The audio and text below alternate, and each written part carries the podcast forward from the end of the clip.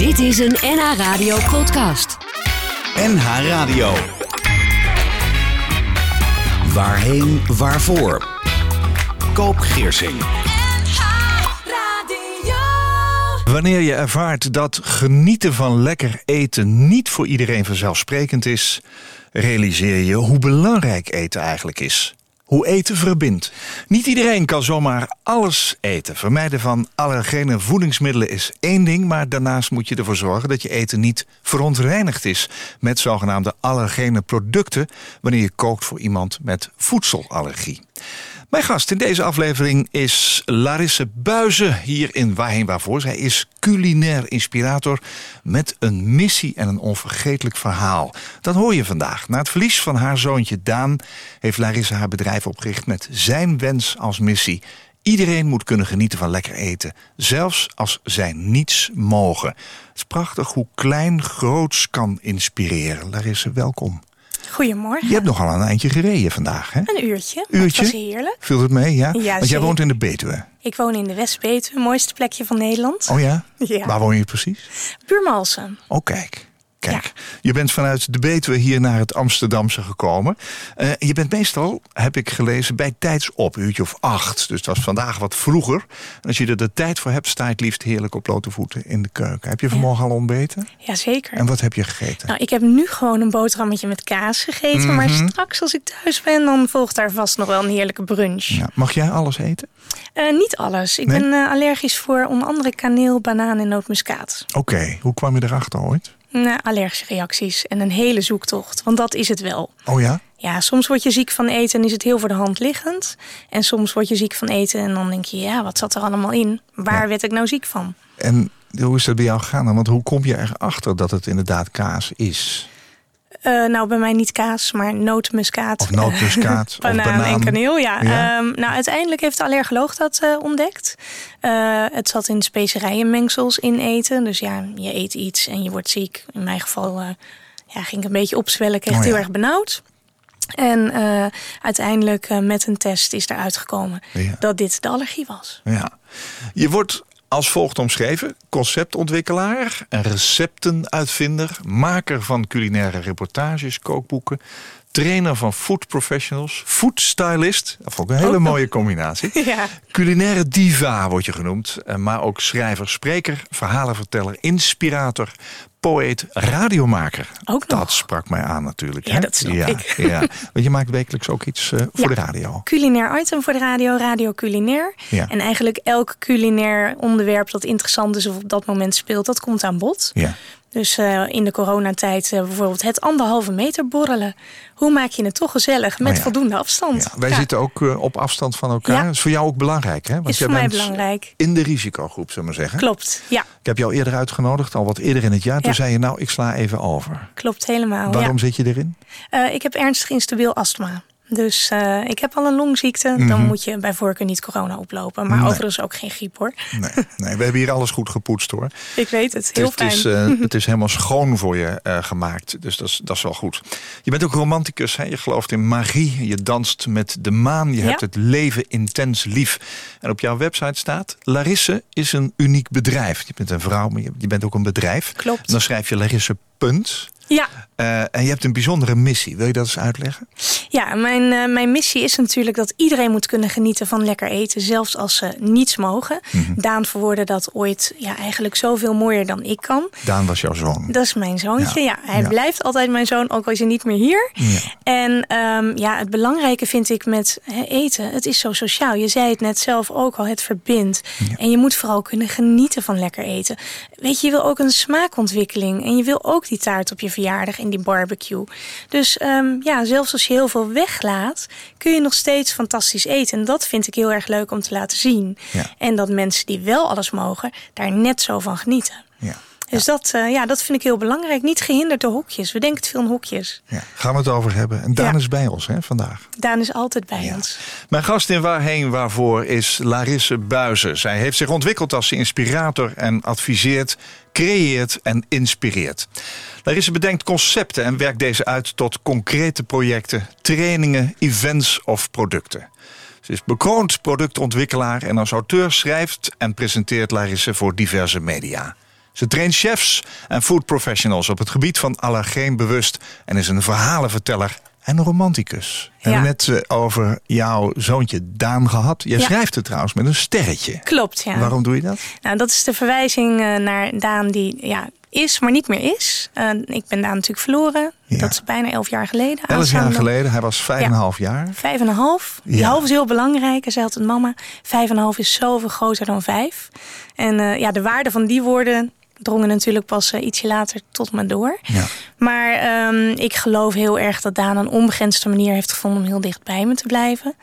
Hij had vlak voor zijn verlies, het was volkomen onverwacht en onverklaarbaar, maar had hij gezegd: Mama, binnenkort ga ik naar de maan en naar de sterren. De nacht dat hij overleed was er een hele grote supermoon aan de hemel. Echt het exacte moment van overlijden. Het was heel bijzonder. En nu nog, als er een volle maan is, krijg ik van vrienden altijd een berichtje. Hé, hey, Daans maan. En eh, ja, dus dat sterretje is ook een beetje een verwijzing naar waar ja, Daan nu is. Ergens bij de maan en de sterren. Ja, je- Hij danst ook met de maan, denk ik. Je, je kijkt me bijna lachend aan. Ja, ik word heel blij van hem. Ja? Ook wel eens verdrietig natuurlijk, Ja. dat ik hem heel erg mis. Maar eh, het is zo'n bijzonder kind, zo uniek. En ik zou ook altijd zeggen, is, je zal mij nooit horen zeggen, Daan is dood.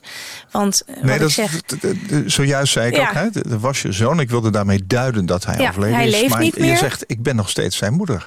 Ja, absoluut. En daar heb je ook gelijk in. Ja, en trots op. Ehm, het, ik vind het heel knap van je dat je er zo over praat. Je hebt je Ja. enorm door hem laten inspireren ook. Ja. Maar hij wist dus dat hij zou overlijden. Nou ja, hij had zelf het gevoel, niemand wist het. Het is Jij ook echt. niet? Nee, nee, nee. je hebt het niet nee. zien aankomen Nee, nou ja, de, de angst. Zeg maar, ik heb het voorgevoel gehad. Maar er was om hem niets. kwijt te raken. Ja, maar er was niets zeg maar, dat op wees dat het zou gebeuren. Nee. Het was ook eh, ja, volkomen plotseling op een totaal onverwacht moment.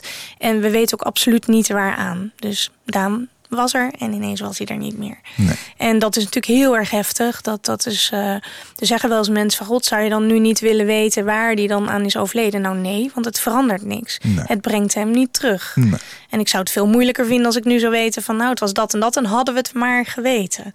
Kijk, sommige dingen kun je niet veranderen. Soms is het gewoon zo. En ehm, veel dingen kun je achteraf begrijpen. Dit is niet één van die dingen. Dat zeg ik in alle eerlijkheid. Maar ik zie het wel altijd zo dat het cadeau vandaan... het feit dat ik hem mocht krijgen... is zoveel groter dan Dat het een verlies. Dat heb ik je. Ja. Dat schreef je Ja, ergens op. maar dat meen ik ook echt. Ja. Ja. ja, dat kun je ook echt zo zien. Dat zie ik echt zo, ja. Ja. Ik zou het zo weer overdoen, ook met hetzelfde Ja. Einde, zeg maar.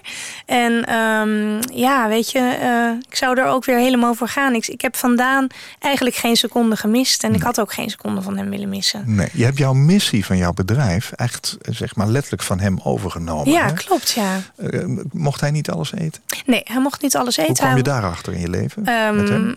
Ja, een ernstige allergische reactie op de leeftijd van eh, drie maanden. Eigenlijk ging het van geboorte af aan met voeding niet goed. Nee. Nou ja, dat kan allerlei oorzaken hebben. Op het moment dat er echt iets medisch gebeurt wat eh, zorgwekkend is, dan Mhm. weet je dat je verder moet gaan zoeken.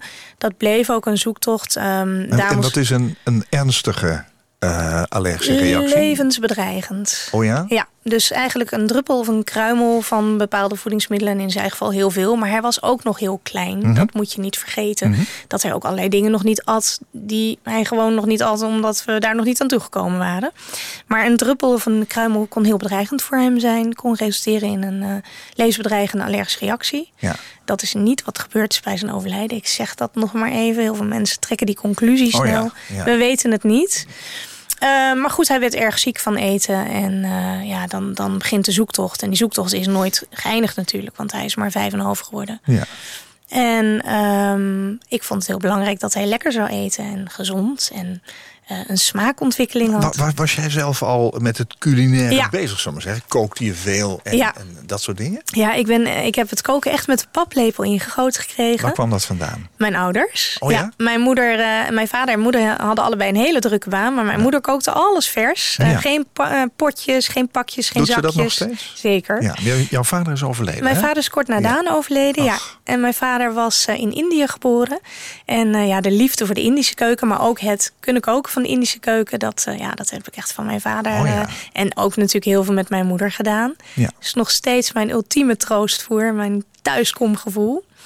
En eh, ja, ik, ik hanteer ook een, een vijzel echt als een Indische dame, zeg maar. Ik kan daar hele verhalen over vertellen. Oh ja, een vijzel zei je? Ja, Weet je niet van vijf zo'n grote granietenbak waar je met een stamper, een oelek, allerlei specerijen in uh, ja. fijn maalt. Ik, ik, ben zelf niet, zo'n keukenprins. Niet stampen en hakken, hè, maar gewoon mooie, soepele bewegingen oh, en daar iets mee creëren. Oh, heerlijk. Ja. We kunnen er nog een programma over maken. Ja, nee, ik ben, ik ben geen keukenprins. Uh, sterker nog, ik, ik kan helemaal niet goed koken. Oh, ik dus kan jou dat leren. Ja, nee, ik, ik luister en let op. Nee, dat komt helemaal goed. Maar je hebt het, het eten, maar de liefde voor eten, maar ook het maken van eten meegekregen van huis Echt uit. van huis uit. Maar je moest met Daan dus uh, gaan schakelen. Ja, want echt hele normale producten. Uh, nou ja, goed, je hebt in het boek de lijst gezien van uh, de 14 en ook wel 24 meest voorkomende allergenen. Ja, het, um, dan moet ik wel even aan de luisteraar uitleggen oh ja. dat het boek voor mij ligt. Sterren van de hemel heet het. Samen genieten, ook als je niet alles mag eten. Je hebt het geschreven, het is uit 2015. Het is een heel Ja. mooi dik boek. Het is heel uh, plaatjesrijk. En voorin staat voor mijn allerliefste Daan met een sterretje. Je hebt de maan voor mij gehaald. De maan en de fonkelende sterren. Ja, Met drie kruisjes mama. ja. En dus dit boek is ook een beetje aan hem opgedragen. Dit is echt uh, Daans boek, ja. Maar Ja. goed, dat is even de, de verklaring Ja, dat is de boek, verklaring inderdaad, ja. En Sterren van de Hemel, omdat ik vind dat eh, ook als je niet alles kunt eten... kun je nog steeds de Sterren van de Hemel koken en genieten. En eh, nou, ik ben later ben ik in het buitenland gewoond. Amerika heb ik gewoond, in Spanje. Ik heb als stewardess ook nog vier jaar de wereld overgevlogen. Toen werd eigenlijk mijn culinaire honger werd een beetje gevoed. Hè. Ik kreeg overal, zag ik eh, culinaire culturen. En dat, dat ging een soort van leven in mijn hoofd. En bij daar moest ik echt omschakelen. Want ehm, ja, als jij een taart gaat bakken, dan ehm, gebruik je eieren en melk en boter en bloem. En wat als je die dingen nou niet kunt gebruiken? Ja, en dan las ik een verhaal van een moeder die dan schreef voor haar allergisch kind: Ja, ik heb maar een stapel boterhammen op elkaar gestapeld met een kaarsje erin. En dat is dan ook een taart. En dat vind ik gewoon onacceptabel. niet omdat je mm, moet kunnen snoepen, maar taart is iets sociaals.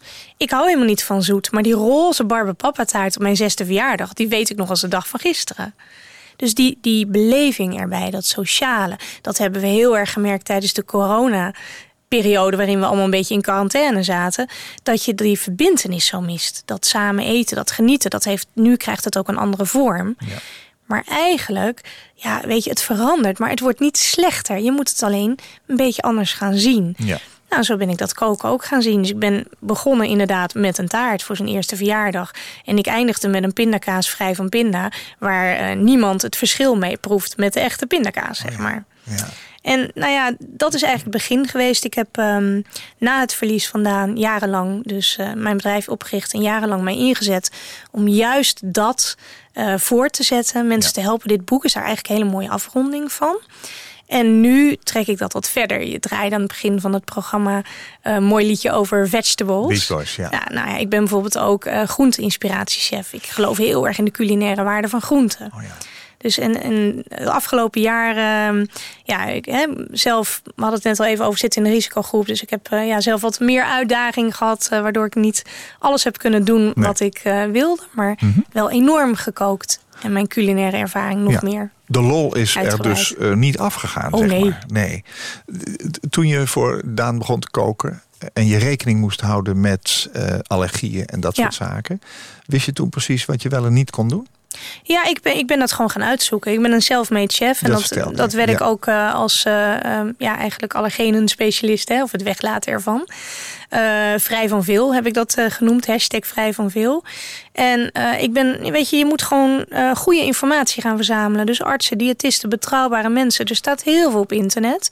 Maar zorg dat je wel filtert. En wat voor de een werkt, werkt misschien niet voor de ander. Nee. Dus je moet altijd goed kijken voor wie kook je. Dat was Mhm. voor mij in eerste instantie natuurlijk voor Daan. Ja. Maar later ook voor andere mensen met andere overgevoeligheden. Ehm, het is ook als chef zijnde, want ik train natuurlijk ook food professionals, heel belangrijk om bijvoorbeeld te vragen aan een gast: wat mag u niet eten? En wat gebeurt er? Hoe voorzichtig moet ik zijn? Ja. Want ehm, is Geen een dingen spoor... tegen elkaar aanhouden Ja, en is een spoortje Ja. al heel gevaarlijk voor u? Ja. Of eh, zegt u van nou, een spoortje gaat wel, maar weet je, ik kan niet grote hoeveelheden. Dat maakt ook hoe je in de keuken staat. Hè, als jij inderdaad heel angstvallig moet opletten dat alles eh, eh, ja, wegblijft bij elkaar. En dan sta je, ja, kijk, ik sta wel relaxed, want ik ben het gewend. Ja. Maar een chef staat dan wat gestrester in de keuken dan dat hij denkt van, nou ja, het is niet heel erg als er een spoortje in zit. Hè, dus ik eh, moet wel voorzichtig zijn, maar spoortje is niet bedreigend. Nee, nee. Dat, zijn, het is belangrijke informatie, maar mensen communiceren eigenlijk te weinig. Ja, nou, nou kreeg eh, jouw Daan destijds, toen hij drie maanden was, een, een heftige allergische Ja. reactie. Hoe ben je erachter gekomen waar hij niet tegen kon? Ja, dat was een traject. Dat duurde wel eventjes hoor. Ziekenhuis ja. en zo? Ja, kijk, ehm, drie maanden, wat krijg je dan? Melk. Dat is niet zo'n eh, raadseltje. Dus dat was melk. Maar inderdaad ziekenhuis en hele Ja. trajecten. Ja. En uiteindelijk hebben we nooit helemaal precies geweten. Nee, ik wou zeggen, weet je dat uiteindelijk Nee. helemaal precies? Nee, want Of hij was te klein. proefondervindelijk Ja, proefondervindelijk. En eh, op een gegeven moment probeer je een redelijk onschuldig voedingsmiddel. En als dat niet goed gaat, dan laat je de risicovolle dingen weg. Oh ja. Maar dat, dat is natuurlijk een zoektocht. We hebben het ook over elf jaar, bijna elf jaar geleden. Ja. En hè, daar zijn ook ontwikkelingen. Je, kijk, je moet dat niet op eigen houtje gaan doen. Als jij eh, als een luisteraar nu zegt van... nou ja, ik heb toch heel duidelijk het vermoeden... dat ik reageer op voeding. ja. Belangrijkste is altijd, ga een dagboekje bijhouden. Schrijf gewoon precies op Wat je gegeten wat je gegeten Oh ja. en gedronken hebt. Dus ik krijg net van jou een heerlijke cappuccino. Nou, er zit melk en suiker in. Stel, ik word straks ziek, dan moet je, zeg maar, die, moet je niet schrijven koffie. Nee. Schrijf ik op een Oh ja. cappuccino met suiker. Dus dat je alle ingrediënten... Schrijf dan ook zo objectief mogelijk op. Wat zijn de klachten die je Mhm, krijgt? En ga dan naar een arts en een diëtist en zeg... joh, ik heb deze klachten... Zelf vermoed ik een mogelijke relatie met eten. Maar laat het uitzoeken. Laat je adviseren. Ja. Ga niet zelf dokteren. Nee, dat moet je niet zelf zien uit te. Nee. Heb jij wel gedaan destijds? Nee, ik heb In de, niet- zin, in de zin van dat je met die eh, ingrediënten aan de gang bent gegaan en dingen weggelaten hebt. Nee, nee, het is allemaal onder begeleiding van een arts Oh, en diëtist. Ja, ja, ja, uiteraard. Dat risico kon ik niet nemen. Nee, Nee, nee, Je wilde dat niet herhalen. Dat wat Nee, nee, nee, nee, nee, nee, nee, Hoe- nee. Wanneer had je het onder controle bij hem? Denk je? Ehm, nou, uiteindelijk niet. Denk, nou ja, in zoverre. Kijk, vermijden is voorkomen. Ja. Dus zolang hij niks kreeg waar hij Ja. allergisch voor was, was Ja. ja. Ging dat goed. en hij hield van lekker eten, hè? Oeh, zo. Ja. En hij hield van koken. Ja, dat is mooi. Dat is mooi. Zeg, ehm, je liet me weten dat je vast van plan bent om 100 te worden. Ja. Hè? En om nog intens te genieten van het leven. Ja. En je zegt vier dan vooral ook een feestje. Hè? En het Ja. niet eh, eh, om verlies, Nee. maar ehm, vier het leven. Ik heb jou gevraagd drie liedjes mee te nemen, toch? Ja. Eh, die op jouw eigen uitvaart gehoord zouden moeten worden. Was dat nog een klus of had je ze al klaar liggen? Eh, ik had eh, degene die ik je stuurde sowieso wel klaar liggen. En Oh, wat ik er ook bij schreef is, eh, dat is niet genoeg. Ik wil veel muziek Oh ja. op mijn Oh, uitvaart. een lange tijd nodig. Hè? Ja, nou dat geeft niet hoor. Ik bedoel, als ik 100 word, mag het ook even gevierd worden, Ja, toch? dat is waar. Ja, En geen koffie en kleffencake, maar gewoon een goed glas wijn. ja. Gooi de loper uit, haardvuren, kaarsjes. Hoe ziet die uitvaart eruit? Heb je daarover nagedacht? Vrolijk en kleurrijk. Ja, zeker. Nou, dat ben je nu ook. Dus eh, dat sluit helemaal aan bij eh, hoe ik je op dit moment beleef. Precies. De Spice Girls staan op één. Tenminste in de top drie die je me gestuurd hebt. Ja. Of ze staan op drie, dat weet ik niet. Maar waarom de Spice Girls?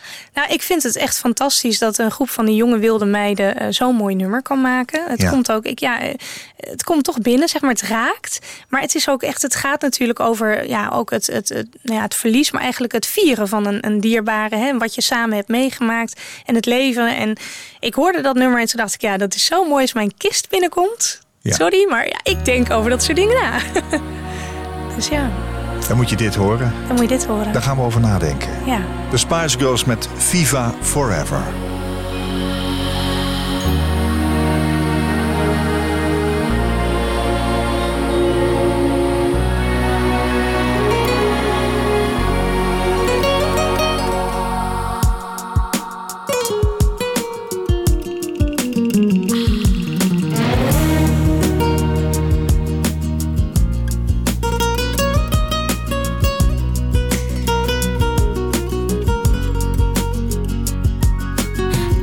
still remember?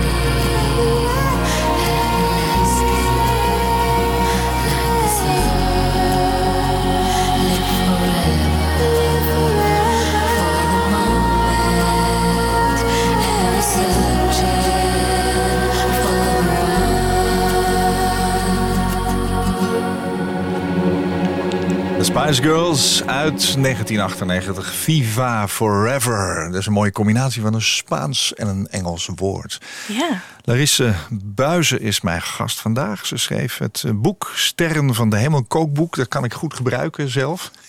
Ik zeg ga aan de Ik- slag. ja, ik weet niet of ik een eh, allergie heb tot nu toe nog niet gemerkt. Dus dat zal dan wel Nou, niet, perfect. denk ik.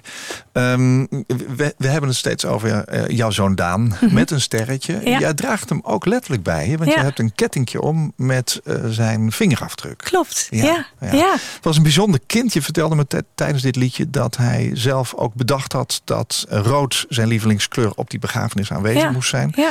En zei je nou ook dat hij een witte kist wilde? Ja, hij had alles eh, een paar dagen van tevoren gezegd. Terwijl Vijf en een half was vijf en een half, ja. En Daan dacht echt na over grote dingen. Ja, Toen Daan eh, twee was, toen zei hij al van... mama, hoe ziet de aarde er eigenlijk uit als ik op de maan sta? Toen dacht ik, oké.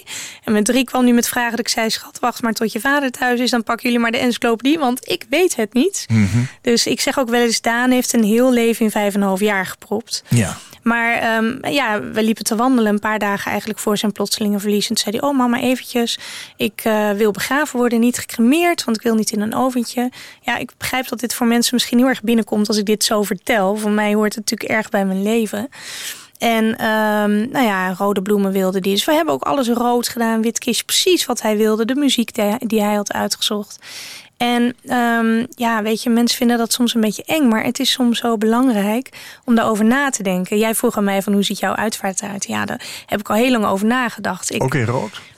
Ehm, ja, dat mag. Het mag ook paars zijn. Oh, Vind ik ja. ook heel mooi. Ja. Maar wel echt kleur. Kleurrijk, hè? Ja, kleurrijk. Ja. En ehm, ja, weet je, ik denk daarover na. Maar daarbij zeg ik jou ook, ik ben nog lang niet van plan te gaan. Ik Nee, wil echt honderd worden. En eh, ik ga het lot tarten ook. Ja, ja. Dus eh, het duurt nog even. Ik heb nog geduld. Moet wel zeggen dat toen Daantje net was overleden... ik natuurlijk ook gewoon dood wilde. Ja, dat klinkt eh, maar... Dan dat, ja, weet je, hij was daar maar alleen. Ik dacht, ja, dag. Ik hoef niet meer wakker te worden. Nee. En op een gegeven moment sloeg dat een beetje om in... eh, ik denk dat het ook trouwens een hele normale reactie is, hoor. Toen dacht ik van, nou oké, ik hoef niet dood... maar als ik morgen niet meer wakker word, is het ook goed. Maar nu wil ik echt weer leven. Ja. Alleen de dood maakt mij niet bang. Ik, ik wil het nog niet, maar het is goed om daarover te praten. En Ja. in ons geval ehm, was het zo belangrijk om te weten wat Daans wensen waren. Want nou ja, het is jouw eigen vak. Maar de begrafenisondernemer kwam 's ochtends voor dag en dauw en zei: Joh, je hebt nog twee dagen om erover na te denken. Maar probeer vast te bedenken: wordt het begraven of wordt het cremeren? Dat wist je al. Maar toen zei ik ook, oh, hoef niet over na te denken. Ja. Dit en dit en dit en daar en daar en daar en die Ja. en die muziek. En zij stond ons echt zo aan te kijken van... Oké, ik zeg, heb je ja, nou ja, daar heb ik het met Daan over gehad. Ja. En ehm, dat vond ik, het moment dat hij het tegen mij zei, zei ik... joh, Daan, hallo, je bent vijf en een half, ga je er niet over nadenken? Toen zei hij, nee mama, het is echt heel belangrijk dat je dat weet. En kijk, weet je, de, we kunnen het allemaal niet verklaren, maar ik had het een paar dagen later nodig en ik was hem zo dankbaar. Het voelde als een soort, ja, dat klinkt raar misschien, maar als een soort cadeautje dat hij het zei. Want daardoor kon ik alles doen, of wij samen nog, ehm, hoe hij het had gewild. En het Ja. verandert niets aan het verlies. Maar eh, weten dat je alles doet zoals de ander het gewild zou hebben, brengt heel veel rust. Je hoeft je niet af te vragen van had ik maar of had ik beter of. Maar ja, alles ging een beetje apart. Daan is begraven. ja. Eh, ga je nog eens naar het graf af en toe? Ja, ik heb echt jarenlang eh, ging ik elke avond. En eigenlijk pas sinds ik niet meer in dat dorp woon, ehm, ga ik er niet meer zo heel vaak heen. Maar ik denk dan misschien ook dat dat is omdat ik, ehm, ja, wat ik je ook probeer uit te leggen, nu meer echt voor mezelf leef. En het iets minder nodig heb. Ik hou het wel bij, maar Daan is daar niet voor mijn gevoel. Nee. Het is zijn tuintje. Maar, ehm, Maar als je daar bent, wat voel je dan wel? rust. Het is een heel mooi plekje. Ja, is het ook het plekje waar je eh, de herinneringen hebt aan dat moment dat je daar samen stond? Of dat je daar eh, naartoe Ehm, gebracht hebt, het lichaam? Nou, het, ja, natuurlijk denk ik daar nog wel vaak aan. Het is eigenlijk, eh, waar ik aan denk, is hoe ik het plekje vond. Want eh, wij gingen destijds, hij wilde dan begraven worden, had hij gezegd. En toen zei de gemeente, ja, dan krijg je een nummertje. Toen zei ik, nee. Ja, nee. Ik zeg, nee, want als ik mijn kind moet begraven, dan kies ik waar. Mhm. Zei ze, ja, maar dat doen we niet in deze gemeente. Zeg ik, ja, dat is dan heel jammer, maar dan ligt hij prima op de koelplaats. Ja, sorry, maar zo ben ik. Doe maar. ja. Ja, En eh, ja, maar het is het laatste wat ik voor hem kon doen. je kon het niet uitzoeken daar. Nou, dat mocht toen wel natuurlijk. ja, je moet soms wel een beetje vechten voor wat je wil. Hè? Ja. En eh, met respect, maar toen mochten we inderdaad uitkiezen. En ik weet nog dat het was vreselijk weer. Het stormde en het Welk, regende. welk deel van het jaar zaten we? November. November. Hij is eh, 3 november overleden. Oh ja. Dus we gingen mm, 4 november geloof ik kijken. En eh, misschien 5. Maar ehm, het was vreselijk weer. En wij, kijk, Daan durfde nooit bij iemand anders in de auto. Dus wij hadden gezegd, wij dragen de kist van huis naar de begraafplaats. Mhm. Dan hoeft hij niet in een andere auto. Maar dat is best wel zwaar. En het was ook wel een paar kilometer. En we hadden gelukkig heel veel fantastische vrienden die ons hielpen dragen. Want niets is zo zwaar, zo mooi en zo zwaar tegelijk als je eigen kind dragen. Dus ik, ik kon het fysiek gewoon niet. Het was een soort van gewicht dat ik niet kon tillen. Maar toen zeiden we, weet je wat, we lopen naar die begraafplaats om die plek uit te zoeken. Ja, ik ben heel eerlijk, ik vertel alles. Dus sorry luisteraars als het een beetje binnenkomt. En ehm, dan weten we ook hoe ver het is. En dat is ook symbolisch voor als we hem gaan ehm, begraven. En eh, precies die wandeling was het eigenlijk eh, droog. Dus nou, wij kwamen op die begraafplaats. Een man in zo'n stofjas en eh, gecondoleerd. En nou ja, hier is een plekje. Ik dacht, oh nee, niet naast de vuilnisbak. Dat gaan we echt niet doen. Dus nou, rondje lopen. Maar eigenlijk elk plekje wat hij aanwees, vond ik gewoon niet goed. Dat voelde gewoon niet goed. En op een gegeven moment kwamen we op een ander gedeelte. En zeiden, ja, hier kan het ook. En ik kijk omhoog en er staat een boom. ehm, ja, je weet vast wel wat het is. Ik ben even de naam kwijt. Met rood blad, met allemaal van die helikoptertjes, weet je wel? Oh ja. En de laatste wandeling die ik met Daan had gemaakt, had hij allemaal van die helikoptertjes gevonden en verzameld. En zei die mama, hier, die moet je bewaren. En ik zie die boom vol duizenden helikoptertjes, rood in het blad. En precies de zon die er zo inviel. En het viel precies op het plekje waar hij nu ligt. Toen dacht ik, wauw. En het gekke is, hè, sinds dat jaar heeft die boom op 3 november nooit meer in het blad gestaan. En ik heb nooit meer zoveel helikop eh, in die boom gezien als destijds, in die tijd. Dus dat was echt een teken. Dus als ik daar sta, dan denk ik altijd: dit heeft hij uitgezocht.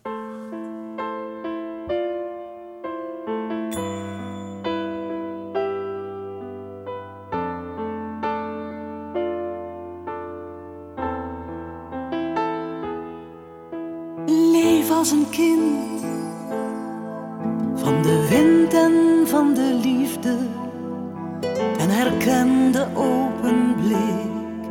In de ogen van een vreemde. Dans met de maan, sla je armen om de sterren, ga je dromen achterna. Op de maat van de seizoenen. Heb het leven lief. Als de stormwind gromt en als de lente komt en verberg je niet. Als de regen valt en als de donder knalt, zing het hoogste lied. Vlieg in vogelvlucht door de blauwe lucht. Heb het leven lief en wees niet bang.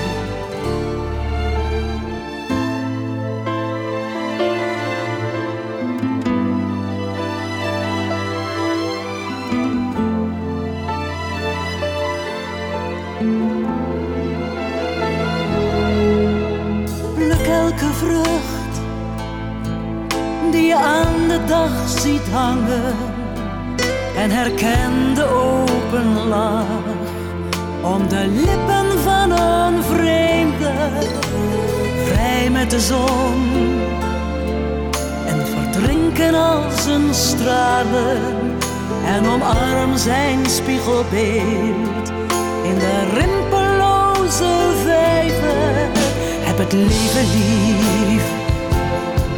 Als de stormwind gromt en als de lente komt en verberg je niet. Als de regen valt en als de donder knalt, zing het hoogste lied.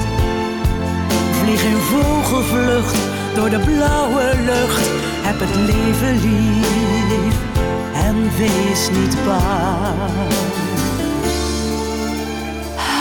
Als het moet, dat je stikt in al je tranen, maar ontwapen je verdriet met dezelfde overgave als waarmee je huilt. Je kunt uit je as herreizen, het geluk van het moment. Zet een streep door het verleden. Heb het leven lief. Als de stormwind gromt en als de lente komt en verberg je niet. Als de regen valt en als de donder knalt, zing het hoogste lied. Vlieg in vogelvlucht door de blauwe lucht, heb het leven lief en wees niet bang. Heb het leven lief, met je ogen dicht of in het volle licht, hou van wie je ziet. Pak de liefde vast en verlies haar niet. Heb het leven lief. In de grijze nacht en als de morgen lacht. Heb het leven lief. En wees niet bang. Maar niet bang. Wees maar niet bang.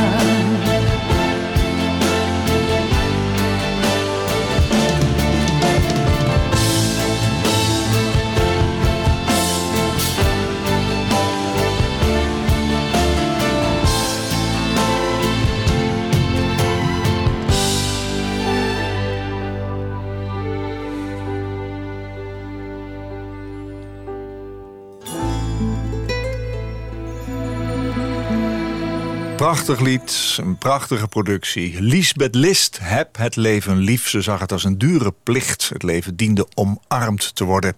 Lief gehad zelfs. Ze moest ervan genieten van zijn schoonheid, maar ook van zijn lelijkheid. Een overtuiging die ze vrijwel elk optreden de zaal inzong in haar lijflied. Heb het leven lied als de stormwind gromt en als de lente komt en verberg je niets. Jij verbergt je ook niet. Nee. De storm. Buizen is de, storm, is de storm in ieder geval vandaag in Waarheen Waarvoor. Ehm, fijn dat je hier bent. En ook fijn dat je met zoveel liefde eh, praat. En over je vak, maar ook over je, je zoon die je elf jaar geleden eigenlijk moest verliezen. Maar die Ja. toch nog iedere dag bij jou is.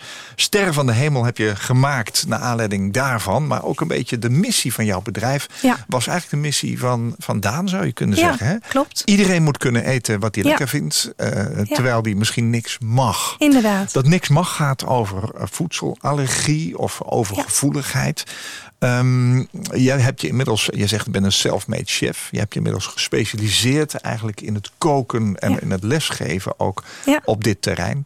Ehm, als je voor mij nou vandaag een lunch zou maken en je zou weten dat ik eh, eh, heel erg inderdaad van, van pinda's hou, maar ik mag ze niet hebben. Wat denk je dan aan? Eh, aan wat ik voor jou ga maken? Ja, wat ga je Wil maken? jij wel de pindabeleving? Ja, zeker. Ik ben er gek op. Maar ja, ik weet dat ik daar enorme uitslag van krijg. Of, eh, weet ik veel, hè. Ja, dan maak ik toch denk ik een eh, heerlijke gado gado met een eh, saté ayam voor je. Dus een uh, kipsaté. De Indische eh, roots van je vader hoor ja, ja, ja, dat moet. Hè. En dan moet Ja? ik even die vijzel in de hand. Dat past echt heel mooi bij dit programma. Ja, Ja. ja. En dan eh, maak ik voor jou een eh, pindasaus op basis van zonnebloempitten die ik eerst rooster. En eh, ja, dat gaat een fantastische beleving geven. Het Heeft dat grap- dezelfde smaak dan? het heeft helemaal dezelfde smaak. Ja? En eh, zeker die, die pindas, die nou ja, satésaus, hè, die pindavrije pindasaus die je dan krijgt van mij. Die is zo echt dat mensen met een hele ernstige pindaallergie, die durven hem niet te eten, want hij lijkt er te veel op. Oh ja? Maar die serveren hem dan wel, want de huisgenoten kunnen er dan gewoon heerlijk van genieten. Die missen niks. En zij hoeven niet bang te zijn dat ze er ziek van worden. Maar jij krijgt wel iets Indisch van mij hoor, want dan gaan wij nog even doorpraten over eten. En over eh, toch een beetje die Indische roots die ik in mij voel. Ja. En dan ga ik je ook even leren oeleken in de vijzel, de Oké, chobek. ja, nou, eh, daarvoor alvast bedankt. Ehm, k- kunnen mensen die voedselallergie hebben, want sommige mensen zijn waarschijnlijk voor heel veel allergisch en hebben daar ook hele heftige reacties op. Kun je altijd zeggen dat je iets lekkers kunt eten terwijl je misschien niks mag? Ja, ik ben er 100% van overtuigd. Ik ga de uitdaging graag aan. Als jij Ja. iemand kan vinden die zegt, nou ik heb nog nooit lekker gegeten met mijn allergieën, dan eh, kom ik terug Ja. en dan maak ik iets lekkers. Ja, dit kookboek wat je geschreven hebt, Sterren van de Hemel, eh, eh, is daar een voorbeeld van. Ja. Als je dit kookboek zelf aanschaft, kun je het dan allemaal zelf? Ja, ik vind het heel belangrijk. Ik, ik schrijf ook veel culinaire reportages voor tijdschriften. Mhm. Alles wat je op de foto ziet, of het nou in dit kookboek is of reportages, ik spreek altijd af. Het is exact zoals ik het heb gemaakt. Ja. Dus het is ook altijd op smaak, maar het is gewoon helemaal het eindresultaat van mijn recept. Ja. Want er is niets frustrerender dan wanneer je aan de slag gaat en je maakt recept en het ziet er echt heel anders uit. Ja. Dus eh, toevallig had ik laatst met een fotograaf eh, eh, daar een gesprek over van hoe ga je nou ijs op de foto zetten. Nou, 9 van de 10 chefs die pakt een bolletje vet. Nou, Ja. ik pak gewoon ijs. Ja. Ik vries het even in als bolletje, dan blijft het langer goed. Maar ijs is ijs. En dan komt ijs op de foto. Oh ja. Ja. ja, ja. Het, het boek bestaat uit de maaltijden, lunches, diners, maar ook lekkere dingetjes, borrelhapjes. elk eetmoment. taart, dat soort zaken. Als je met een voedselallergie naar een restaurant gaat, kun je dan altijd aangeven. Ik, ben, ja, kijk, ik weet dat eh, zaken als eh, eh, bepaalde stoffen, ook bij uitvaarten maak ik dat wel mee. Zeggen mensen, nou, we willen absoluut oppassen Mhm. dat dat en dat er niet in zit. Maar kun je eigenlijk in ieder restaurant fatsoenlijk eten ehm, terwijl je allerlei voedselallergieën hebt? Kun je Nou, de- alles aangeven? De? Europese wetgeving verplicht restaurants en chefs zeg maar, om informatie te verstrekken over allergenen. Ja. Dus als je even teruggaan op het voorbeeld van de pinda, stel je hebt de pindaallergie, dan moet een restaurant jou kunnen informeren over Mhm. waar pinda in zit in welke gerechten. Ehm, maar ze zijn niet verplicht om pindavrij te serveren. Dat is heel belangrijk. Maar ga even met elkaar in gesprek. Kijk, heb jij een ernstige allergie? Loop dan niet een restaurant binnen en verwacht dat ze even iets veiligs voor je op de tafel zetten. Als jij die veiligheid wil, moet je de chef ook de tijd geven om dat te kunnen voorbereiden. En eh, dus bel bij je reservering, geef aan, goh, ik heb een allergie voor pinda en wie weet nog wat nog meer. Is het mogelijk dat jullie iets pindavrij voor mij maken? Weet je, geef ook de ruimte. Want als een chef een super drukke ke- keuken heeft en zegt van joh, maar ehm satésaus is ons meest bestelde product en ik kan niet garanderen dat het nergens in zit, dan moet je dat nee ook kunnen accepteren. Dat is misschien niet leuk, maar dat is minder erg dan dat je het per ongeluk binnenkrijgt en er heel erg ziek van wordt. Ja. Dus ja, ik geloof ook heel erg in communicatie. Wij zitten hier vandaag heel open. Praten wij met elkaar over alles. De dood, het leven, eten, genieten, alles. Maar dat geldt voor dit ook. Hè. Ga in gesprek met de chef. Geef aan waar je allergisch voor bent. Zeg ook wat je wel mag. Ja. Maar ik geloof dat er nog heel veel lekkers te maken is. Chefs verrassen mij vaak. En ik heb er inmiddels echt wel honderden opgeleid Ja, ook. ja, ja. Je, bent, Overal. je, je bent zelf een, een jaar of 15, schat ik, zo'n beetje geleden begonnen. Hè, met, met dat Ja. te ontdekken. En 16 jezelf jaar, ook een klein beetje te vormen. Eh, is er veel eh, verbeterd, zeg maar, de laatste jaren? Ja, natuurlijk. Want in het begin eh, ja, was ehm, allergie een beetje vreemd voor iedereen. Toen kwam die wetgeving, wat chefs dan natuurlijk wel heel veel verplicht om informatie te verstrekken. Maar je gaat er dus ook over nadenken. En dan kan je wel zeggen van jeetje, ik moet nog meer. Maar je Mhm. Bestond kan het helemaal niet in, in, in de tijd dat jij ermee begon? Eh, dat ze dat Koken, k- zeg maar allergeenvrij ja, tuurlijk. koken. Nou, nog niet zo. Ja, glutenvrij, lactosevrij kwam het meest voor. Dat zijn de dingen die je vaak hoort. ja, dat hoor je vaak. Ja. Je ziet ook in de supermarkt dat de meeste producten daarvan zijn. Maar het is hetzelfde als... Kijk, ehm, misschien wel vijf jaar terug hadden we heel weinig veganistische producten. Nu kun je veganistische vleeswaren kopen. Hè, en, en spreads en noem maar op. Hè. Dus er is, zijn, er is natuurlijk een enorme ontwikkeling. Ehm, mensen worden niet alleen ziek van allergenen. Mensen kunnen ook zeg maar ander eten. Eh, kunnen ze op reageren. En dat kan ook suiker, zout, whatever zijn. Ja. Maar ehm, je ziet ook natuurlijk dat we allemaal toegaan naar wat minder vlees, wat bewuster. En daar komt gewoon heel veel, steeds meer voor op de markt. Het is natuurlijk ook een kwestie van vraag en aanbod. Dat is waar. Maar ik geloof heel erg in de kans zien. Je kan zeggen, hé, wat naar, nou moet ik die allergeen op een menukaart gaan schrijven of in een schaduwsysteem. Maar je kan ook denken, hé, hey, weet je, 99% van de mensen met een ernstige allergie gaat niet uit eten. Nee. Wat nou als ik een paar gerechten vrij van veel op mijn kaart zet en garandeer dat de allergenen daar niet in zitten? Kijk, dan kom jij met je pindallergie wel eten. En je komt doorgaans niet alleen, maar je komt gezellig met je collega of Ja. je familie of je gezin of vrienden. Eten verbindt, zeg jij. Eten verbindt. Ja. En dat haal je dan allemaal lekker je restaurant in. Dus ja, ik. eh Wordt ik er gegeten op jouw uitvaart? Zeker. Kan Liefst niet hartig. voorstellen. Kijk, als je dan toch iets bij de koffie wil, dan een uittaart. Gewoon, weet je, een spetterende, geweldige taart met al het moois van mijn leven. Mhm. Maar het liefst hartig, daar ben ik toch iets meer van. Dus ik denk eh, hele leuke borrelhapjes. Indisch ook. Tuurlijk. Tuurlijk. Spaans Ja. ook nog. Drie liedjes, drie liedjes had je bij je. Ja. Mhm. Heb het leven lief hebben we zojuist gedraaid. Eh, wa- wat trok jou daar zo enorm in aan? Ja, ik vind de tekst echt fantastisch. Mhm. Het is zo mooi. En het is ook, weet je, het leven maakt het je soms pittig. Ik heb natuurlijk hele diepe dalen in mijn, eh, in mijn leven, maar ook hele hoge pieken. Nog steeds heb je ze? Nog steeds heb Ja. ik ze. En dat heeft denk ik iedereen. Ehm, weet je, maar het leven is zo de moeite waard. Je moet er gewoon intens van houden. En ik heb het leven echt intens lief. Ja. En ik grap wel eens, ook ik heb wel mijn moeilijke dagen. En dan zeg ik tegen mijn vriendinnetjes, joh, het is in elk geval nooit saai. Ja. En dat is het zeker niet. Nee, dat is waar. Dat is waar. We gaan luisteren naar Eva Cassidy. Ja. Waarom heb je die uitgekozen? Eh, Iva vind ik echt fantastisch. Zij is natuurlijk al eh, eventjes ook niet meer. Eh, voor draaiden we van haar Danny's, eh, eh, Danny Boy. Dat is natuurlijk, ja, was zijn eh, koosnaampje ook. En ehm, ja, dit is zo'n mooie versie van Fields of Gold... over de onbegrensde manier waarop we bij elkaar blijven.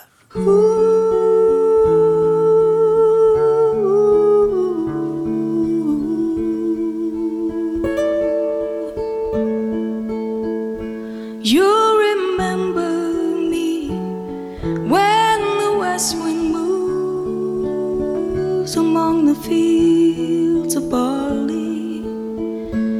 You can tell the sun in his jealous sky when we walked in fields of gold. So she took her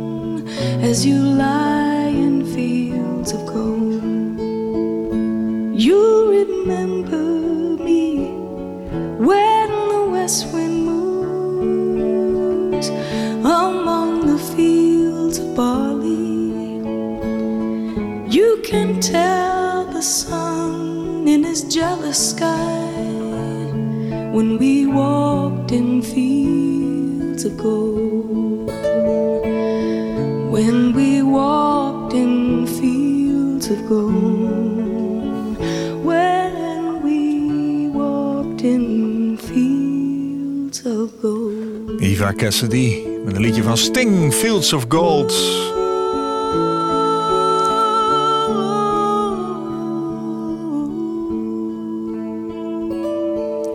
Over je gelukkig voelen, maar weten dat dat gevoel een keer eindigt. Vandaag was jij mijn gast, Larisse Buizen. Je zit nog steeds stralend tegenover me met je kleurrijke jurk en je prachtige, ja, zeg maar, kettingje met de vingerafdrukken van Daan. Je doet heel veel. Je bent onder andere auteur van verschillende culinaire titels, waaronder dit prachtige kookboek Sterren van de Hemel, uitgegeven door uitgeverij Loopvis. En daarin draait het om samen genieten, ook als je niets mag eten, bijvoorbeeld vanwege een voedselovergevoeligheid of allergie. En kort na het zeer plotselinge en onvoorstelbare verlies van jullie zoon Daan, slechts 5,5 jaar oud, richtte jij jouw bedrijf op. Zijn woorden werden jouw missie. En Daan, met een sterretje geschreven, heeft een onbegrensde manier gevonden om bij jou te zijn. Zo klein en tegelijkertijd zo groots. En zijn wens leeft voort en jij zet je met hart en ziel in om zijn wens en daarmee de culinaire wens van vele mensen te vervullen.